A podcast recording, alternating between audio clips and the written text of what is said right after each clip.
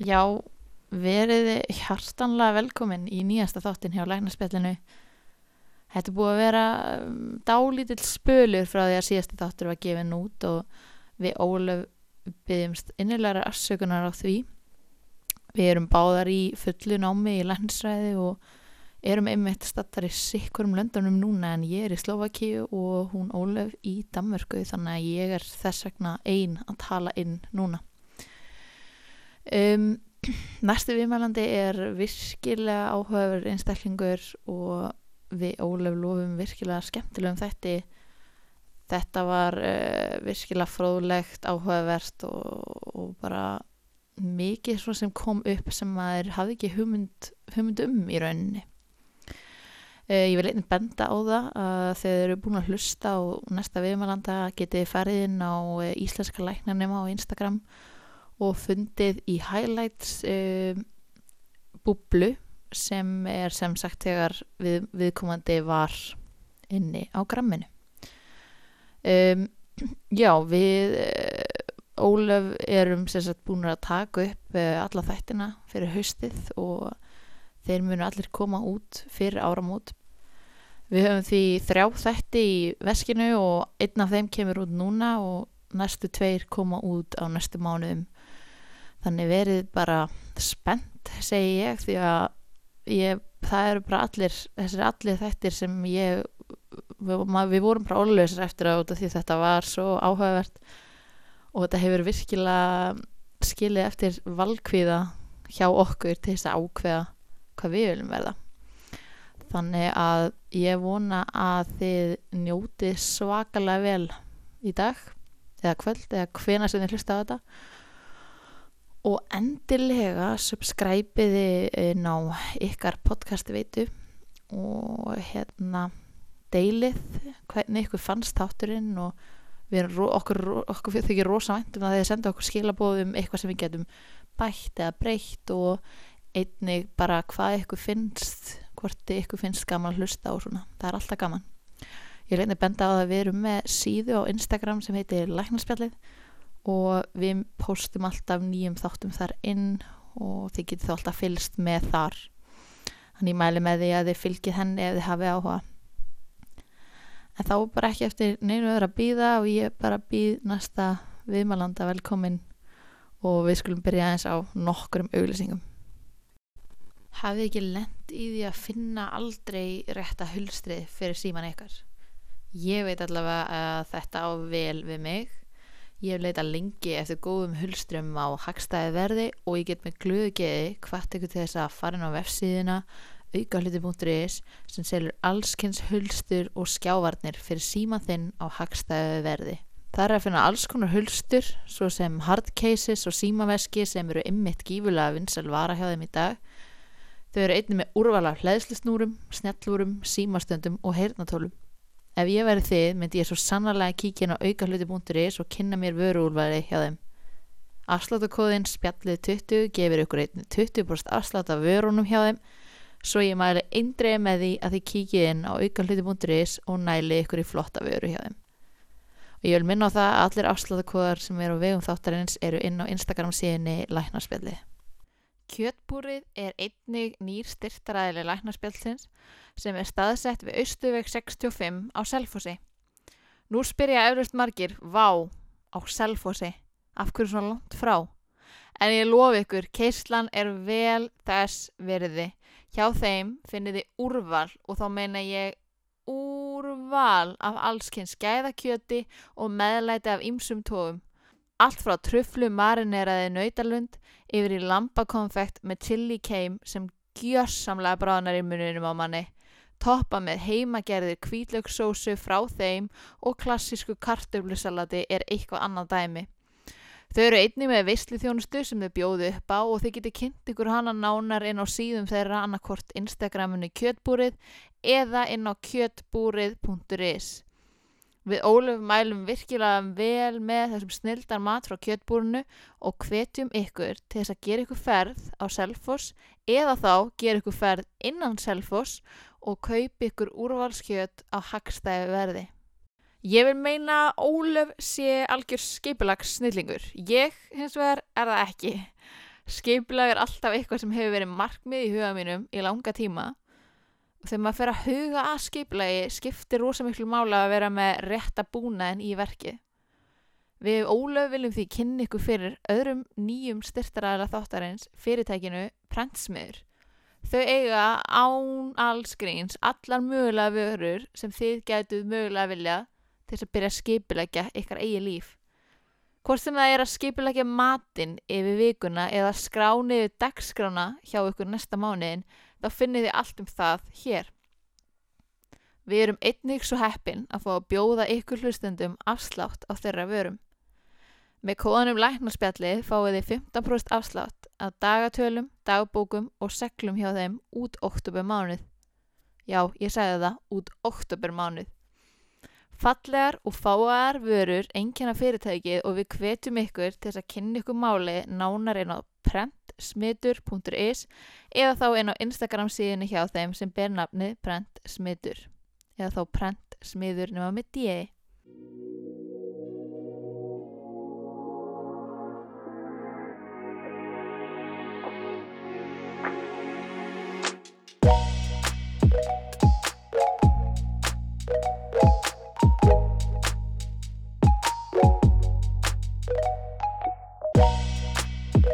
Hannes Sigurjónsson fættist árið 1980. Hann laug grunnámi í læknistræði við Háskóla Íslands árið 2007 og í kjölfæri starfaði hann sem deildalæknir á landsbítalunum til ársins 2010 þegar hann fór í sérnum í lítalækningum á Karolinska Háskólasjúkrahúsinu í Stokkólmi.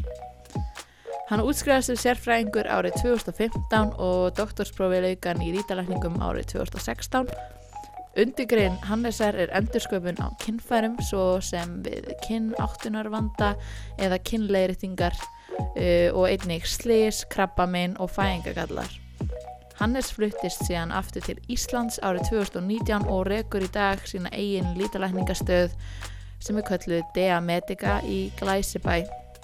Þar að auki vinnur hann í hlutastöðu á landsbítala og sér um aðgerðir á transfólki. Það eru ekki eftir neinu öðru að býða.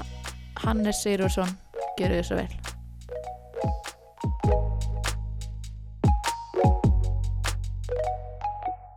Verður velkomin Hannes. Já, takk fyrir. Hvernig hefur það í dag? Já, bara stór gott, takk. Það er augljóst að þú hefur verið í sól einhverstar. Já, við hérna, komst í smá frí norður og Mm. akkurri síðstelgi, það var bara bongobliða. Já, gott að komast í sólna. Við tölum ekki mikið um annað en sól hérna í intróum hérna undanfarið. við. En já, við ætlum að, að byrja bara eins og við byrjum alltaf og fá að uh, vita hver er Hannes? Hvaðan, hvaðan ertu? Ég er úr Árbænum, Reykjavík, fættur uppalinn Reykjavík og, uh, og var mikið sem, sem strákur fyrir vestan uh, í Sjáratjópi á Ísafyrði og út í eigi sem heitir Vigur. Uh, að vinna þar. Mörg, mörg sömur og pabbi minn er frá Ísafyrði það var svona smá tenging vestur þar. Uh, svo er ég mikið í, í já, Nei, bara ég ætla að spyrja mitt hvort þú væri ætt ára vestan. já, já, já, ég er eftir að vestan alveg, frá Ísafyrði og Arnafyrði Já. Varst öll sumur þar? já, Svo fallegt, þú veist það. Já, það er ekki Bíla fallegt, sko. Ég er alltaf að pikka upp eitthvað sem ég á samilegt með viðmælundum okkar. Ég er líka að vestan en að vísu ekki frá Ísafjörðardjúfi. ok Alltaf eitthvað. Það er alltaf eitthvað. En hvernig varstu svona á þínum yngir árum? Varstu opinn, aðeinsværi eða Já, Já. það held ég, já, já. mikið í krungum Já. aðra krakka og íþróttum eða? Já, já, mikið, svona mest í því og, og svo er hérna, mikið hesta með, sko. Ok. Og, hérna, uh, alveg frá því mann eftir mér var á hestbæki með afa mínum. Þú enn í dag líka eða? Já, alveg bara all in, sko. Það- Áttu hesta eða? ég, við eigum engstar, við fjölskyldan eigum engstar millir 40 og 50 hesta. Vá, ok. Við erum að rækta hesta, ok, næs. Það er geggja að fara að hessbak, það er, það er ekkert líkt því. Nei, þetta er líka svona, ég veit ekki hvort ég lýsi því eins og köld, ég ætla ekki að segja köld, en það er alveg, þú veist, það er stór, stór búbla í kringum hestamennskuna. Kemst nálætt því, sko. og svo skiptist þetta svona í hópa sko, eða, sérst, eftir áhuga sig innan hestamennskunar sömur eru bara að ríða út Mm. Og setja skemmtunar að fara í hesta fyrir á sömurinn og svo er svona keppnisvængurinn sko. Já. ég er svolítið þar, dóttir mín er 15 ára er í úlengarlandsliðinu og, og er orðið Íslandsmeistari og hérna, hann er mikið í gangi þar og svo, svo þessi hrossarækt sko. Já. að vera að rækta flott hross við erum, við erum alveg djúft sokkin í það Ok. Já. Nice. Um, ert þú stórri fjölskyldu? Já, ég myndi segja það. Uh, ég á þrjá, eða við erum þrýr bræðinir, tvo eldri bræðir Mm. og, uh, og svo ég fólkdra mínir mörg sískinni og já, Alltaf mikið glens og gaman. já, Hvernig er þá fjölskyldulífið þitt í dag? Ertu þá með maka og börn og... já, konu mín er Inga og við eigum uh, þrjú börn, stelpu sem er 15 ára eins og sagðan og svo strák sem er að vera 9 ára og stelpu sem er 9 ára en 4 ára. Það er æði. Uh, voru einhverjar fyrirmyndir úr heilbriðskerunum í kringu því? Já, pappi minn, hann er, hann er tannlæknir í grunninn, fór svo uh, til bandaríkjana í sérnám og tók maxillofacial kirurgíu, sérst, svona kjálkarskullæningar og andlitskullæningar og var mikið hérna á borgarspildarum sem seti núna, eða landspildarum í Fossvögi, að vinna með lítalæknunum, bæði við tráma og svo líka meðfætta galla í andliti. Wow. Heldur að áhugin hafi vaknað þar á skulleikningum? Já, klárlega sko. ég, þegar ég var komin í læknanámið þá, þá fekk ég að fara með pappa í aðgerðir sko. Mm. og var að assistera Já, það var mjög gaman Já. Mm. Líka geta verið saman í þessu. Já, nokkulega. Hérna, getur þú kannski aðeins sagt okkur svona frá því í hvaða mentaskóla þú varst? ég er í Vestló Ok, varstu þá Mhm. eitthvað búin að undirbúa þig fyrir inntökuprófið hérna heima? Nei, það var nú mjög sko, atypist að fara í Vestló og ætlaði læknisfæði sko. við, við vorum tvö að þrjú úr mínum árgangi sem fóru þá í númurus klásus það var sérst klásus en þá uh, þá, þá hérna lærðu, lærðu maður allt haustið og svo voru prófum í jólin og þá komust veistu, það var eilt svona bylnu 250-300 sem voru að reyna og, og 36 sem komust inn. Ég segi alltaf, og ég segi aftur, mér finnst það svo mikið svona fair game, þú veist, þú færð efni í hendunar, lærir, mm.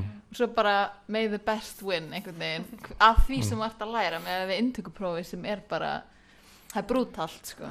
Já, já, en Það- ég hef náttúrulega sagt klásus var líka alveg brútal, ég sko. trúi því líka, Maður er búin að heyra alveg svona eins og klási sem á tannlækninum. Þetta Já. sé bara stríð, sko. já, já Er það, er, var það tilfinningin?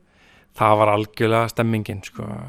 Ég, ég fór nú tvisvar í klásu sko, eins, og, eins og flestir Mhm. sem komust inn Mhm. það voru frekar fáir sem fór inn í fyrsta skeiti og, og uh, ég man sko ég fór eftir fyrsta klásus þá fór ég uh, komst ekki inn og fór út til Austuríkis að kenna að vera skíðakennari Ok.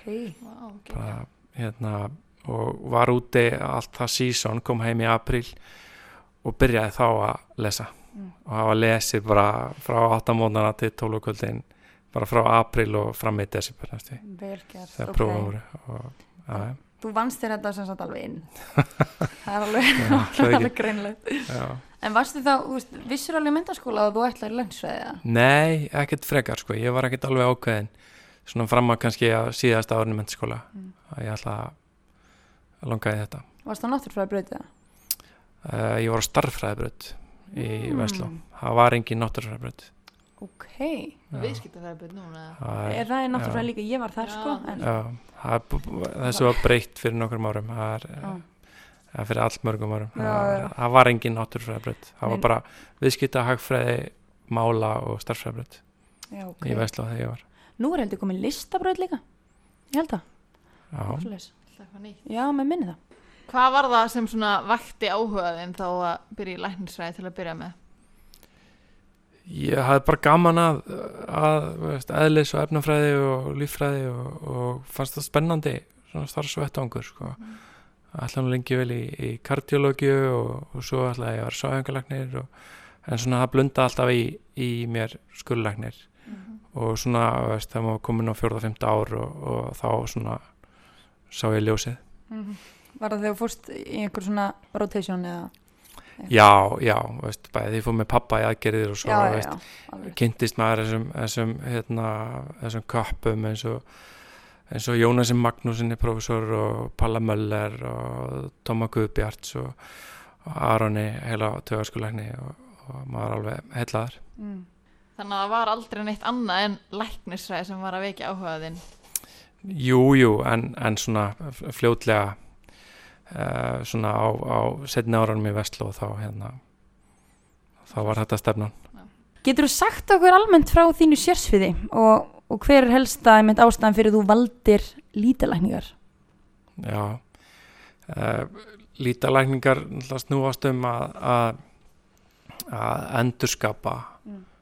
eitthvað form uh, líkamsluta uh, og, og svona þessar náttúrulega veist, ég segi alvöru lítalækningar í, í gæsalöpum uh, þá er náttúrulega maður, að- maður að eiga við, við uh, meðfatagalla uh, uppbyggingu eftir krabbaminn um, bruna slæm slæm slís, tráma uh, að vera trans kynleirðingu þannig að, þannig að og, svo, og svo hinn hlutin af lítalækningu það eru fæðrunlækningarnar sem náttúrulega það sem er sko uh, þetta náttúrulega samtvinnast allt sko. Þú veist, í, í, í þessu hinnum hlutanum sem ég nefndi fyrst að lítalækningu þá er náttúrulega er rosalega mikið uh, prinsip úr, úr hinn og þannig að það blandast mjög mikið. En, en svona vinnulega séð þá er þetta rosalega mikið aðskilið. Uh, til dæmis engar svona prífa tværunækir gera enn á sjúkrahúsum. Mm. yfirleitt ekki, allavega ekki á Norrlöndum uh, það eru öðruvísi í bandaríkjunum þar eru, þar eru oft sko lítalæknandi með svona prívat praxis inn á Já, Já, leiða skurstofu og, og, og sérnámslæknandir eru þá að fá þjálfunni því líka Mm. mm. Mhm. en, en það er sérst, lítalækningar snúast fyrst og fremst um það Mhm. að- að að bæta formreina ná formi og funksjón tilbaka En hva, hvar lærðir þau lítalækningar?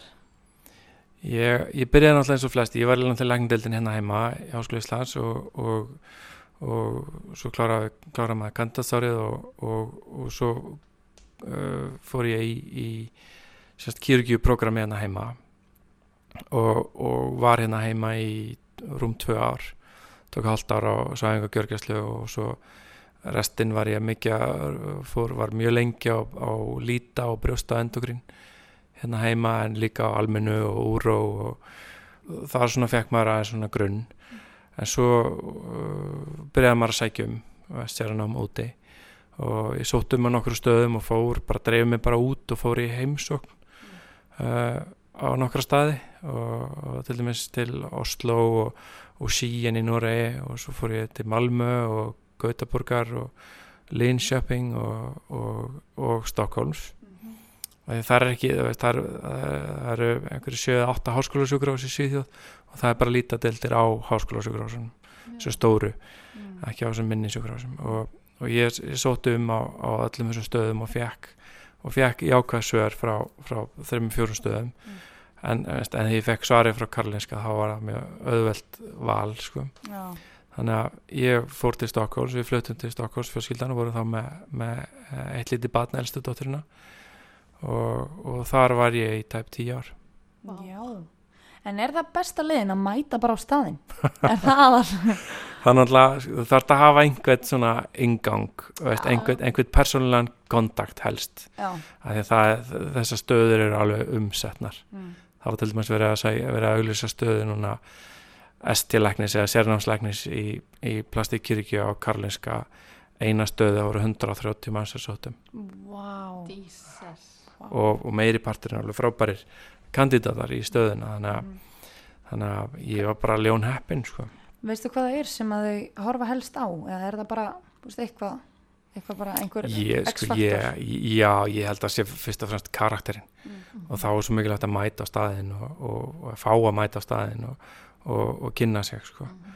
og hérna en svo náttúrulega, jú, jú, það er fínt að hafa gott séfi og góð meðmælabref vera kannski búin að vera aðeins í rannsóknum og, og þannig að það, var alveg hort á það fannst mér sko Mhm. en fyrst og fremst held ég þetta sé að veist, karakterinn að, að, veist, að maður sé svona einhver sem er ekki einhver fáiði sko, og, og geti fungirað í, í, í Já. teiminu sko. En af hverju, af hverju valdur Svíþjóð en ekki annar land eins og Bandaríkin eða Já, ég var alveg að hugsa um bandaríkinn sko, en, en það fór nú aldrei neitt lengra sko, uh, sótt aldrei um þar sko. Ég vildi bara uh, langaði að fara til Skandinavi og helst Svíþjóðar mikil, uh, langaði að fara svolítið í rannsóknir líka og, og mikil hefð fyrir því í Svíþjóð miklu meira að manni finnst heldur en í Nóri eða Danmark og, og mjög margir sem fara í doktorsnám. Og þannig að mér fannst það spennandi og alltaf að fara til borgar eins og Stokkólms og bara draumur sko.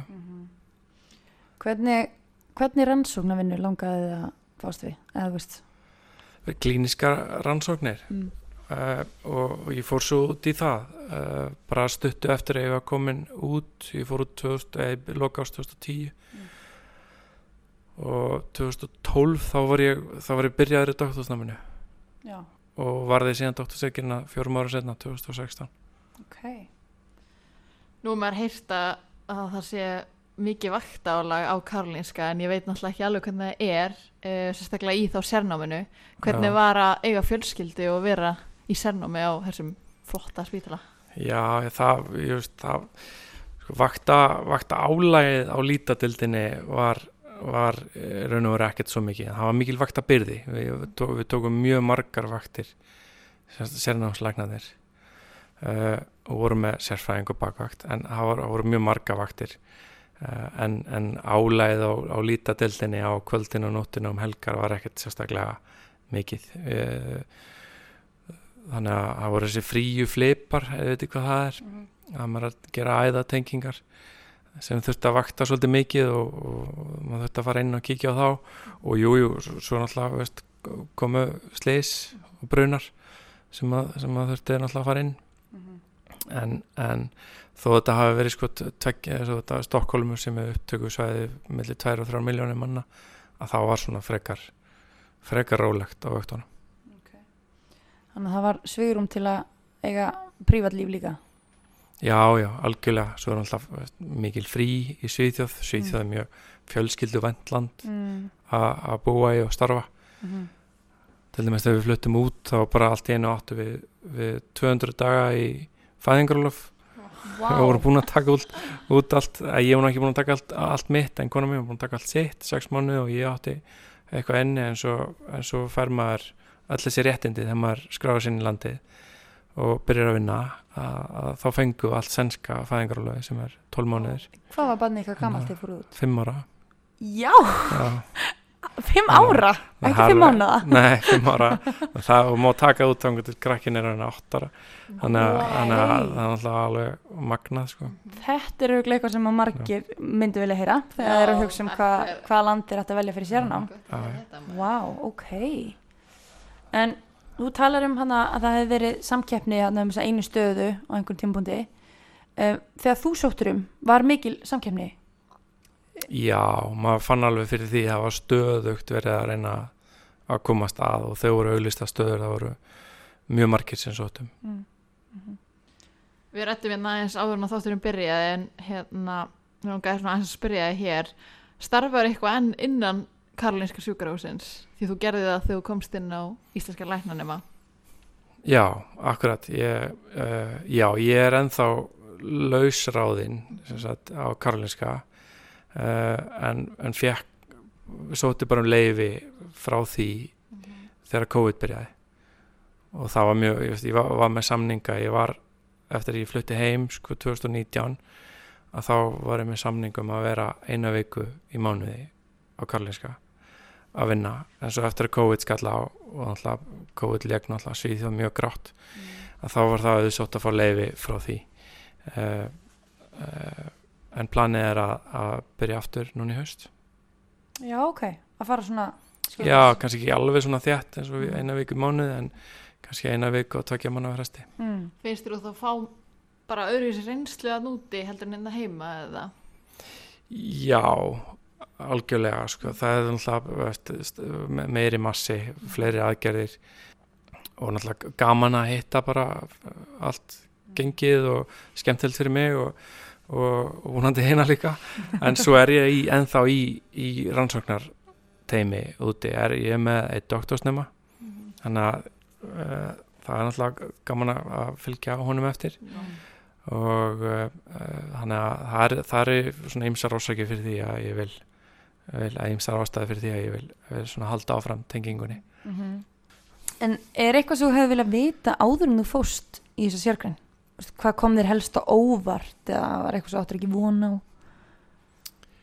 Uh, nei, ég man nú ekki eftir neinu sérstöku. Uh, fyrir þetta það bara að koma óvart hvað þetta var rosalega gaman.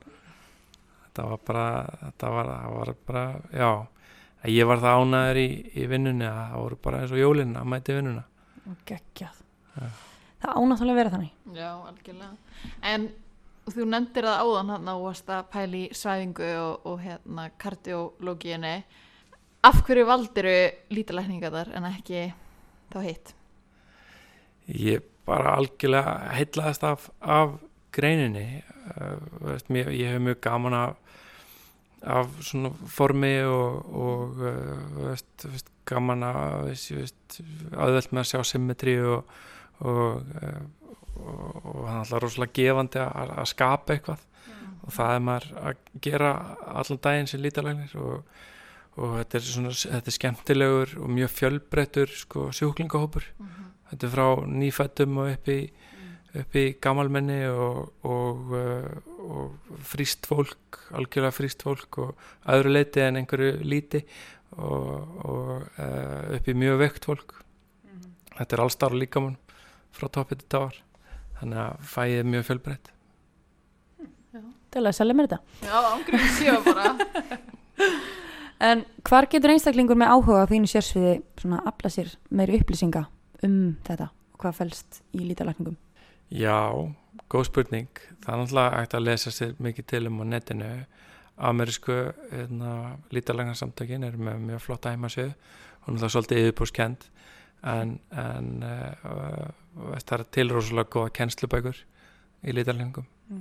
sem kosta ekki rosalega mikið, það er að kaupa á Amazon Mm. uh, mjög flotta bækur sem kosta kannski bara 5 skall og, og fletta í gegnum svona, svona yfirbúrslega. Um hvað lítalækningar snúast. Algengust aðgerðnar, aðgerðartækni sjúklingana og, og svo framvegis. Mm. Hvað myndur segja að væri svona mest spennandi við sérgarnina eina? það, það er þetta eins og ég er búin að segja áður með þetta að, að, að, að hjálpa fólki að, að líða betur og fungera betur. Uh,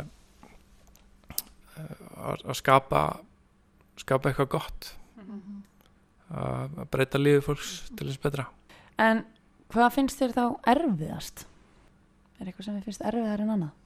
það er náttúrulega veist, að, aðgerðna geta náttúrulega verið stundum mjög flóknar og, og langar Mm. ég menna lengsta aðgerði sem ég var í á Karolinska hún var 16 klukktímar og, og að það er náttúrulega, það er náttúrulega svolítið töf Mm. uh, uh, og svo náttúrulega alltaf leðilt að fá komplikasjónir allir sem skera fá einhverja fylgikulla Mm. þannig að það- er mjög leðilegt Mm. uh, en, en annars er, er þetta er þetta mjög svona, svona bæði skemmtilegt og, og gefandi fag að starfi. Mm. Hefur margt breyst síðan þú byrjaðir í, hérna, í þessa sérgrein? Er mikið framþróun? Já, það er mjög mikil framþróin mann finnst alltaf vera að koma eitthvað nýtt. Og, og uh, veist mér segja bara ég skilur var að, var að ég og minn, minn samstarfsmaður úti við vorum að, að finna upp á nýjum aðgerðar tæknum eða aðgerðar tæknum við að gera eitthvað eitthvað spesifist og vorum að, að publisera það og, og þannig að það er, það er alls konar uh, skemmtilegt nýtt eins og, eins og til dæmis þetta projekt sem ég var sem ég startaði út á Karlska að, að hérna, endurskapa snýpin á konum sem að hefðu verið umskornar Wow. Ok, vá, Na. það er mjög áhugavert. Það hlýtur að vera flókið maður. Frábært að það sé komin mögulega einhver lausn eða hvað? Já, mögulega, en alltaf þetta er, þetta er mjög stutt á veg komið þannig, Mhm, Þú veist, það er, það er ekki nema svona tíu ár síðan að fundið upp á þessari aðgerðatekni mhm, franskur skurlæknir sem heitir Pierre Faldés hann uh, var mikið að vinna með læknum á landamæra meðal þessi Sierra Leone. Já, og þar hitt hann margar. Hann er úr, úrológ þá skurlæknir þessi, þessi, uh, þessi læknir og hann var að vinna með vinna uh, mikið í Sierra Leone fyrir læknar á landamæra og, og, og, og, og sá þar lendi margar mjög að umskurra tíðin í Sierra Leone heldur sem milli 80-90% já Og- ekki manni mitt grein um þetta eitthvað í fyrra eða hitti fyrra eitthvað sem var að vera að tala um hvað þetta, þetta er mikið gert í Afríku til dæmis Já, trúarlega la, la, lang stærsti maður líka gert í Indonésiu, einhverjum Já. löndum í Suður Ameríku en lang, lang mest og, og það tala að þetta séu millir 2 og 3 miljónir stúlkna á ári uh, sem séu umskornar og hann sérst, hérna uh, fann upp aðgerðtækni við að, að, að hjálpa þessum konum að losna við verki Mm. uh, og uh, auka mögulegan á að, á að fá betri tilfinningu í, í uh, við kynlíf Mm. og, og prinsipið með aðgerðtækning gengur út á að, að snýpurinn er mjög langt líffæri Mm. er henni ef, ef við bara ímyndum okkur tippi sem er uh, megninu til fyrir utan líkamann uh, ef svo er þetta að segja uh, og kongin að þá er henni sko það sem er fyrir utan líkamann uh, á snýpnum það er bara kongurinn á snýpnum Mhm, allt hitt er fyrir innan. Mhm, og þá gengur aðgerðtæknin út á að taka burtu örfu, losa um og losa, mobilisera þetta skaft á snýpnum og, og færa það fram sauma það út á húðina. Áhugavert. og, og svona mín tilfinning er svo að, að það er svo mikil örfufur hana Mm. eftir að að umskurur er gerður á, á mjög brútal hátt yfirleitt. Það er ekkert, ekkert saumað aftur en svo þetta er bara látið hérna, gróa sekundert og kemur mikill örfufur að þú ert búin að losa örfufin í kringum sem snýpskaftið að þá áttu miklu meiri möguleika á að, á að snýpskaftið að snýpurinn sem maður endur gerir hann ná að bólna út. Mm. að það er svona undirstaðan Mhm, fyrir að fá uh, fullnæðingu mhm, að að komist blóðflæði út í hann og hann bólni út mhm, rétt eins og teppið. Mhm.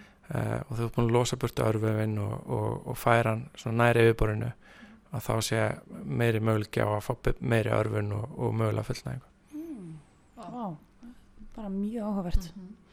Margir sjá fyrir sér að lítalæknar setja aðalega sílingubúða í brjóst og sprauti botox í rukkur og eitthvað. En eins og við hefum heyrt, það er nú fjarlægi. Um, það er kannski meira svona fegrunar aðgerðir eins og komið inn á áðan. Hvað felst þá helst í þessum sagt, aðgerðum sem eru svona reconstructive? Þú veist eins og bruni og þannig. Hvað hva er Mm. gera lítalæknar þegar það er bruni til dæmis? Já, við, við alvarlega bruna er, er, er náttúrulega samstarfi við, við svæðing og gjörgjörslagnarna mjög mikilvægt. Það er náttúrulega að vera svo mikið vökvatap uh, og að, að það er náttúrulega að stabilisera sjúklingin fyrst og fremst. Nummer 1, 2 og 3 bruna. Uh, og, uh, og síðan náttúrulega þarf að taka sjúklingin til aðgerðar og, og, og metan vel, hvar er þriðu gráða brunar og hvar er annars brunar og, og búa um það á réttan hátt og, og svo þarf að fara í húðflutninga. Og, og slæmi brunnar uh, get, geta náttúrulega tekið marga marga vikur upp í marga mánuði að að, að laga með, með síendöti teknum aðgerðum og, og svo náttúrulega annað svona akut veist, það er eins og, eins og mikil tráma það sem erum bara þess að bjarga bjarga útlimum. Það sem að æðar og taugar hafa fyrir sundur að það má náttúrulega ekkert býða það er ekkert að það salta það til næsta morguns það verður bara að fara strax í aðgerð og, og reyna, reyna að finna æðarnar og, og tengja aftur. Mm. Og sennilega ein, ein svona eftirminnlegasta aðgerðin sem ég gerði út á Karolinska var, var 2017 þegar að, að það var ringt í mig á sundarskvöldi uh, ég var ekki á vakt. Uh, og síminn var neyra aldursporði og ég var komin upp og við, vorum komin upp og svona tíu okkur í, í hátinn og ég heyrði síman titra niðri og, og hljóp niður og svaraði. Þá var það læknirinn sem var á, á forvaktinni og bað mér um að koma inn að því að það var á leiðinni inn með sjúkrabil maður sem hafði skorið þessi teipið oh. og Óvart þá eða? Nei, það var uh, með skitsofrenju um, og rættirnar í haustum á hann sögðu honum að, að skera þessi teipið og, og e, hann hafði sem sagt tekið, tekið sem betur fer beittast hann nýjun í skúfunni mm. flottan kjötnýf hann var mjög clean cut alveg við svona, svona sentimeter frá penisrótinni Mm. uh, og, og tók í leiðinni hluta af punkhúðinni Ó. og, og sjúkrarflutningamennir algjörar heitir, þeir bröðust rétt við settu fundu limin þeir komu ég byrjaði alltaf að setja, setja aðarlínvættar grísjur og sáru og þrýsta það blætti mikið. Og, og fundu limin og setta hann í póka og vöðu hann og svo uh, tóku sannska kjötbólur úr fristinum og vöðu inn í, inn í það og komu með inn. Uh, hérna Og- og, og þá, voru, þá voru við sko fengum sérst alveg svona 20 myndur hálftíma í, hann var svona eins í útjæri Stokkólm sem sem maður og, og fengum sérst 20 myndur hálftíma til þess að preppa skurstofuna og gera allt klárt. Þannig að við vorum bara reddi þegar hann kom inn og bráfamöntöku og beint í aðgerð og svæður og, og uh, uh, það gekk alveg ótrúlega vel að, að finna æðarnar að dorsalstilkur sem gengur ofan á, á, á teipinu og þar gerði ég uh, eina svona arteritengingu og, og þrjár bláða, bláðatengingar og taugatengingar. Mm. stilkurinn hann er bæði slagaðar bláðar og, og taugar sem ganga út í kongsins og mjög mikilvæg fyrir funksjónuna að fá reistn og, og tilfinningu og svona. Og, og náða að tengja tengja þær og síðan náðum við líka, ef við byrjum að vísa því að tengja korpus kafinosa slagaðinar sem eru pínu pínu lillar þær eru þær voru svona af 0,7-0,8 mm þannig að náðum að finna þær og tengja þær báðar.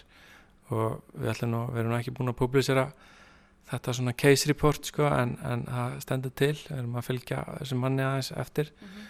Og, og kannski býða þetta að ég komast út í Svíþjóðar að, að skrifa þetta upp og hitta hann aftur. En við erum að fylgja hann eftir með svona tögaleginni prófum og svona og, og, og funksionell prófum með, með, veist, með að pissa og, og fá reistn og svona. En sagt við, við gerðum þarna nýju tengingar að- bláaða slagaðar og tögar og svo saumaði, saumaði tippið saman. Og þetta gekk alveg ótrúlega við hann. Fekk að vissu blæðingu daginn eftir og þurftum að, þurftum að fara inn og opna hann aftur og, og, og, og hafa því svona bláaða tenging uh, hérna losnað.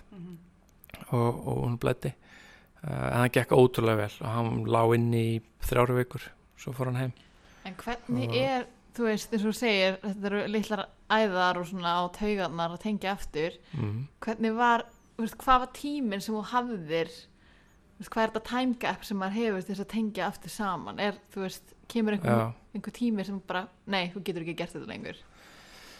Já, já, það er alveg þannig. Uh, sko bein eru viðkvæmust og svo vöðvar.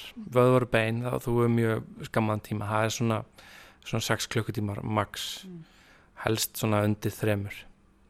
En, en fita á húð og það er svona þá hefur kannski alveg upp í 6-8 tíma. Okay. uh, sérstaklega getur kelt vefin sko, á meðan. En ertu sérst að segja það að maðurinn fekk fullt funksjón aftur? hann fekk alveg ótrúlega mikið funksjón, ég ekki hitt hann í, í rúmt ár. Já, en, en hann gatt sem sagt, við tókum þvægleikin á hann eftir fjóra vikur já, og hann, hann gatt pissað og getur hann þá pissað. Ok, og svo gatt hann fengið svona halvreist ok. bara eftir einhverja svona 6-8 mánuði þá gatt hann uh, fengið halvreist Lækna vísindin, sko, oh my god.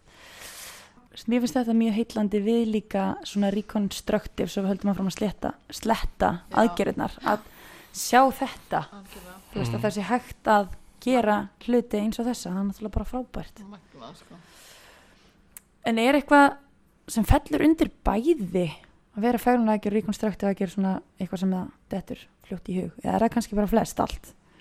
það er í rauninni flest allt uh, til dæmis, dæmis uh, sundu aðgerð sem er einn algengasta svona fægrun aðgerðin. Mm. uh, við gerum sundu aðgerð þegar við gerum díep flipa Mhm. díep flipi er, er þegar maður er að byggja brjóst eftir krabbamenn með vefnum af neðri hluta hverjans Mhm.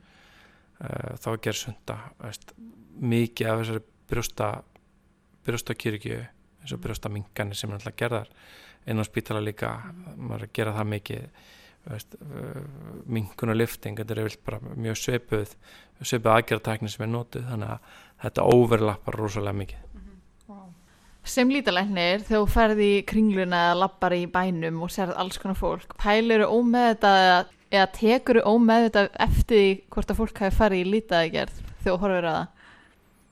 Næ, ég er einu ekkert að spá mikið í því sko, en, en, en, en jú, jú, auðvitað, auðvitað hefur maður kannski næmara auga fyrir því. uh, eitthvað hefur verið gert en náttúrulega góðu lítalæknir það náttúrulega það á ekki að sjást þannig, það á ekki að stingi í auga að einhver hafi farið í, í botox eða einhver fyllefni eða einhver lítaðgerð þetta á að vera, veist, það er náttúrulega nummer 1, 2, 3 allavega mér að- natural neðurstaða sko. Góð punktur. En eru þið eitthvað að mæla gegn, þú veist eins og ef fólk er að koma í lítaðgerð og vil koma síðan aftur setna þegar það eru eldra, eru þið einhvern tímann að mæla gegn því að fólk fari í lítaðgerð hjá ykkur?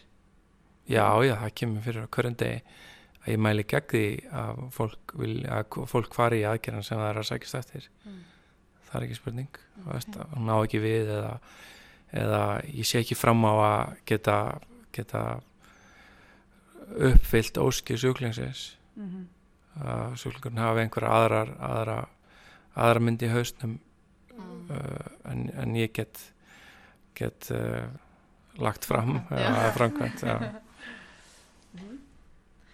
En hvernig var þá tilfinningin þegar framkvæmdir svona þína fyrstu sóló aðgerð í lítalækningum?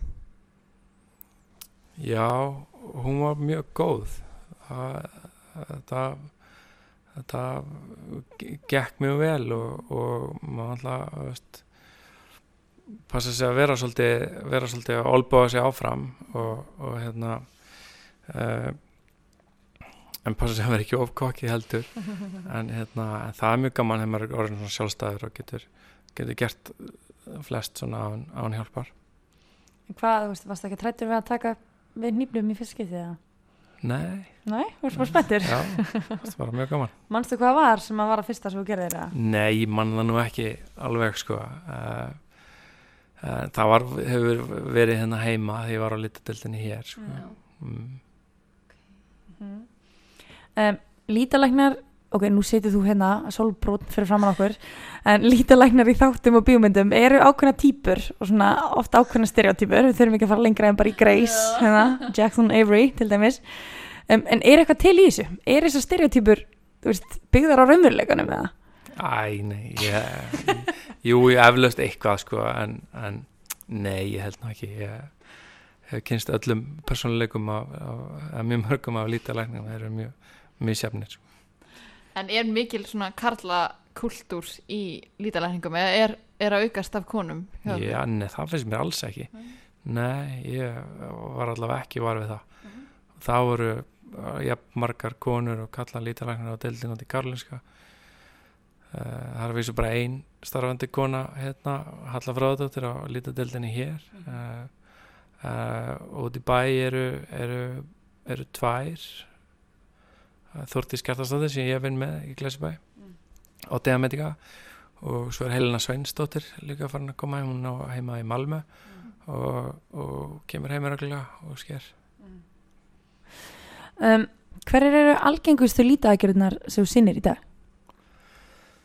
það er náttúrulega á, á ég er náttúrulega langmest núna uh, á meðan COVID hefur verið á, á stofinu og ég er, ég er vinn sem verktaki á landsbytaranum uh, er ekki fastraðin uh, við að sinna transfólkinu.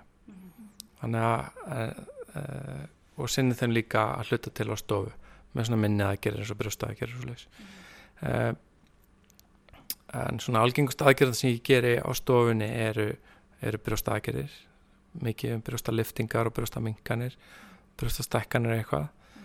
Uh, þá er að nota bæði púða og svo fetu uh, fetu úr, úr, úr, úr söklingnum uh, og svo sundu aðgerir mjög vinsalar fetusók og svo eru auglokk aðgerir mjög vinsalar uh, uh, já hvað meira, svo er maður að gera svona uh, facelift, andlisliftingar uh, og svo er ég aðeins er ég náttúrulega svolítið sérhæður í kinnfærunum Mhm. og er að gera bæði uh, labiaplastik og, uh, og teipastækkanir á stofunni. Það er hægt að gera það?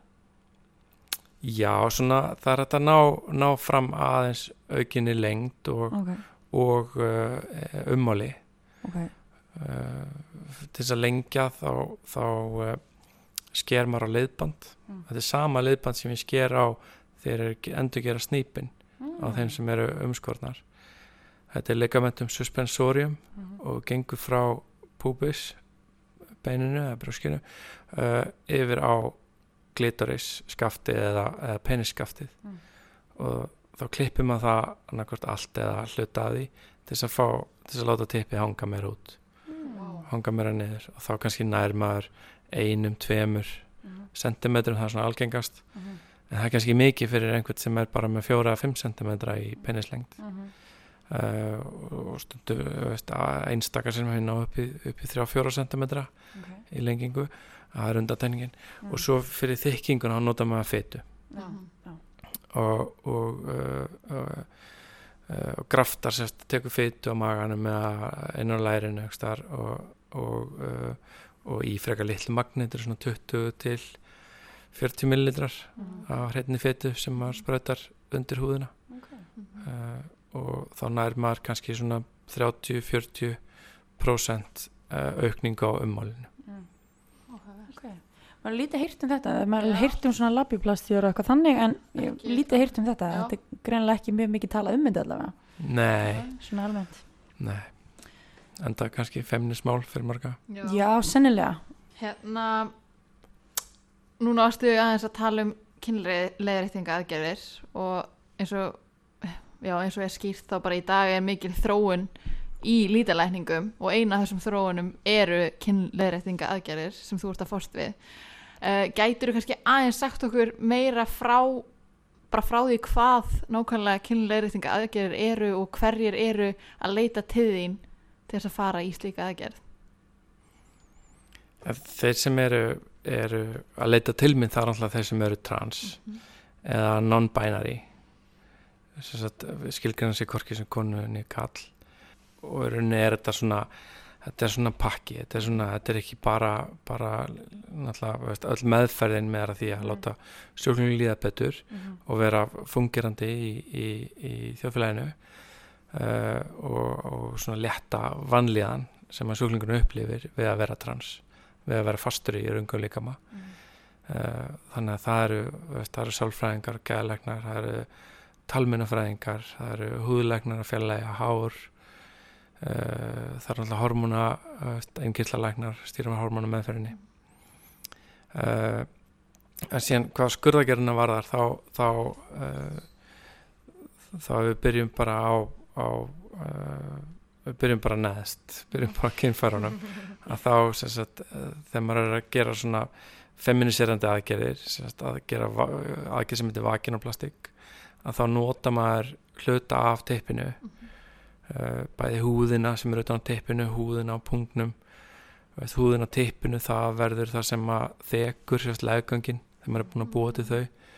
Uh, kavititetin fyrir leggöngin sem er sérst fyrir, fyrir neðan hugsaði liggjandi sjúkling þá fyrir neðan veist, þar á svona þarblöruna en fyrir ofan ristilinn. Já.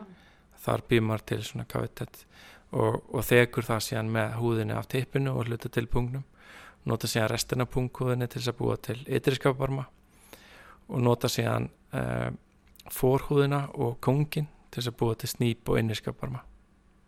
Vá, Já, þetta er, þetta er flott aðgerð. Hérna, uh, já.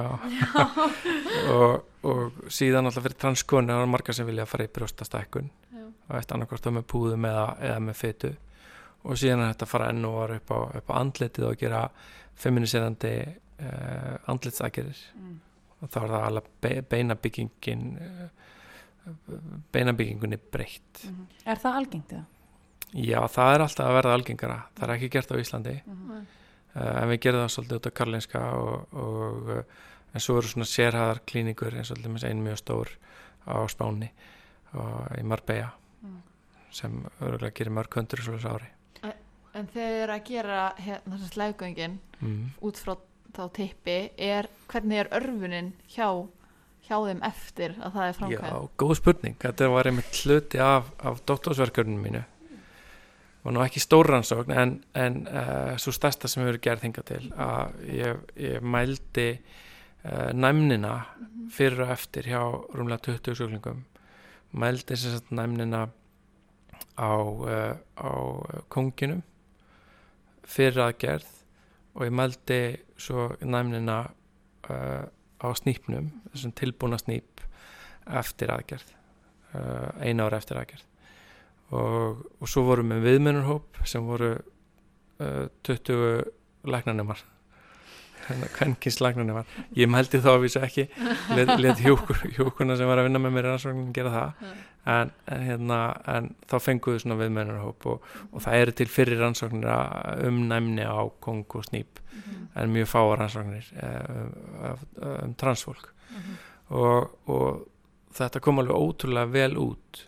Og, og það, það sem var kannski áhugaverðast við niðurstöðnar í rannsókninni var að næmnin á þessum neoklitoris eða nýja snýp sem var búin til í kongnum hún var meiri heldur en á kongnum Nei, Jú. what? og, Er einhver og útskýring á því? já sko veist, við höfum reynda að finna útskýringar á því og, og, og það er náttúrulega eitthvað sem er erfitt að- að sannreina en, en uh, við vitum veist, hvað eru marga taugar, þúsundu taugar koma til snipsins og Mhm. þúsundu taugar koma til koma til kongsins að, þegar að þú, að því við minkum kongin um svona 70-80% að þá Mhm. ertu með jafnmarga taugar sem eru í tauga minna svæði Wow. þannig að vera meiri þjættni Ok. einhvern veginn að það geti skýrt skýrt uh, þessa auknu nefni Mm. en svo höfum við líka velt, velt fyrir okkur sko margir transjúklingar bara afneta líkamannum sem eru fastir í Mhm. skilur, og þar með, þar með alveg kynfæranum Já, já. þannig að það er líka svona andlegi þátturinn Mhm. í, í því Mhm. að og veist, búin í aðgerð þegar finnst, mörgum finnst þeim bara að vera endurfættur og fara og kunna rosalega vel að meta Mhm. nýja líffærið, Mhm. veist, nýju kynfærin Mhm. og það getur verið, verið líka st- stór hluti svona andlegur á baka þetta Já, akkurat. En þessi aðgerð per se, hún er komin alveg svolítið langt, eða ekki? Er, eða þú veist, með að við hitt að búa til tippi, það er ekki komið eins langt, eða hvað?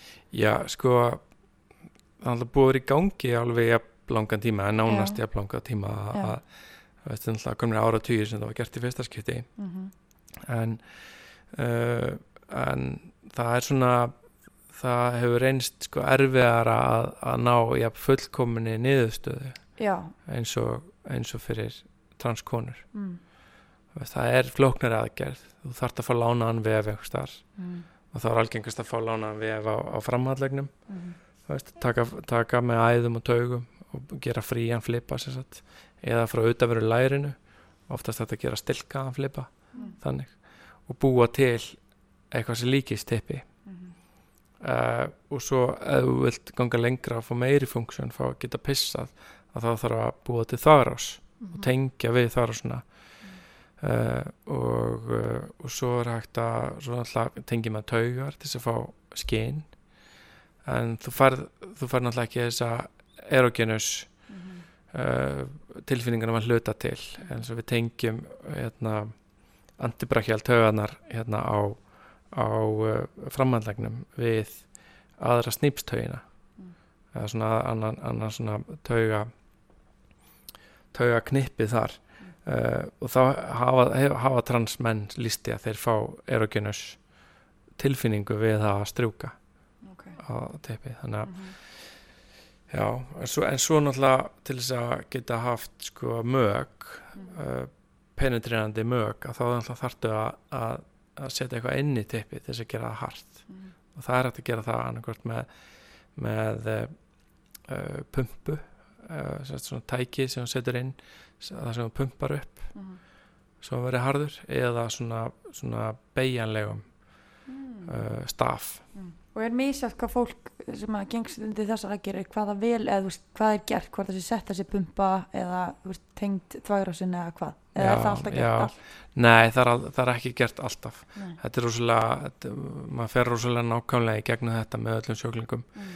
af því að rauninni er því meira sem hún gerir því meiri hættir á Já, og það er því að þvara svo lengingu er gríðarlega há tíðinni á veist, á stenósu, veist, að það þrengist Mm. á, á fystulum að, að vökum fara, pissi fara að leita út eitthvað starf og Mhm. komið gata á húðina Mm. þannig að, þannig að það þannig að maður gerir það ekki nema, nema sjóklingur sé búin að íhuga það mjög vel og skilja á hættina Já. En hver eru svona helstu skilirðin veist, svona áður en að sjúklingurinn kemur til þín til þess að fara í þessa aðgerð? Þurfa þau ekki að ganga stundir hormóna með í einhvern ákveðin tíma og Jú, yfirleitt eru sjóklingur búin að vera hormónum í, í 2-3 ár minnstakosti þegar þeir komi í, í þessa stóru aðgerð. Og það hluta til skýris líka því að beðlistin er svo langur. Já, ok. Uh, en náttúrulega það er tveggjara greiningaferli eða einsás greiningaferli og svo eitt ár svona að að lifa í, í nýja nýja hlutverkinu, kynhlutverkinu þannig að yfirleitt hitti ég ekki sjúklinga uh, fyrir en eftir cirka tvö ár eftir, eftir að greiningin byrjaði Hverjar eru helstu áskoranirnar? Áskoranirnar? Oh my god. Hverjar eru helstu áskoranirnar? Oh my god! Ok, er eitthvað annað orð en áskoran? Áskoranirnar Áskoran, ok, en þú segir þetta bara. áskoranir, áskoranirnar. Ó, ég er mjög Ég skal elsfæri. Hverja myndur segja að væru helstu að ruggla í höstu mínu Hvað segir maður? Hver eru helstu áskoranirnar í, sem, sem tengjast þessum aðgjörum þá? uh, transaðgerðanum Já, það, það, er, það, það er svolítið svona svona tæknilega krefjandi það er svolítið svona bratt learning curve að hérna, mastera þær. Uh, þannig að ætli það sé ekki svona helsta áskorinn þetta er, þetta er svona fjölþætt aðgerð. Og, og veist, til dæmis fyrir, fyrir sérst, þegar maður að gera maskuliniserandi aðgerð búið til tippi að það er yfirlt svona hel, helstags aðgerðir 8, 8 klukkutímar. Og maður þarf náttúrulega að vera mjög, mjög fær með, með sko, æðatengingar og tögatengingar þannig að það, það er náttúrulega aðláskurinn fyrir, fyrir skulögnin að að fá þjálfinni því. Er einhverjir fylgikvillar, hver eru kannski helstu fylgikvillarnir sem fylgja þessum aðgerðum? það er, það er nú bara yfirleitt þessar, þessar algengu al, þessar algengu fylgikvillan sem blæðing og sýking eftir aðgerð. Uh, náttúrulega þegar maður er að gera fría flipa þá náttúrulega uh, er, er náttúrulega mik mikil hætta þess að fólk setja eitthvað blóðþyringu eftir svona að, að, að þegar maður er að gera fría flipa að komi trombósa í, í aðatenginguna. Þannig að það er að fylgjast mjög ve- vel með. Og svo við, við vaginarplastik að það er náttúrulega uh, alveg krúsjala sjúklingurinn dílateri vaginuna. Það er svo miklu kraftar í, í grindarhölinu sem er að íta móti þessu, ný, þessu, eh, þessu nýju laugangum það veist, það eru vöðvar og líffæri þannig að sjúklingurinn þarf að rosalega duglegur að, að stafþjálfa eins og við kallum það. Uh, tvisa, þrjusar á dag 20 minnir hálftíma. Með staf, með sleipefni og til þess að halda legungunum opnum. Wow. Og, og hversu lengi þá?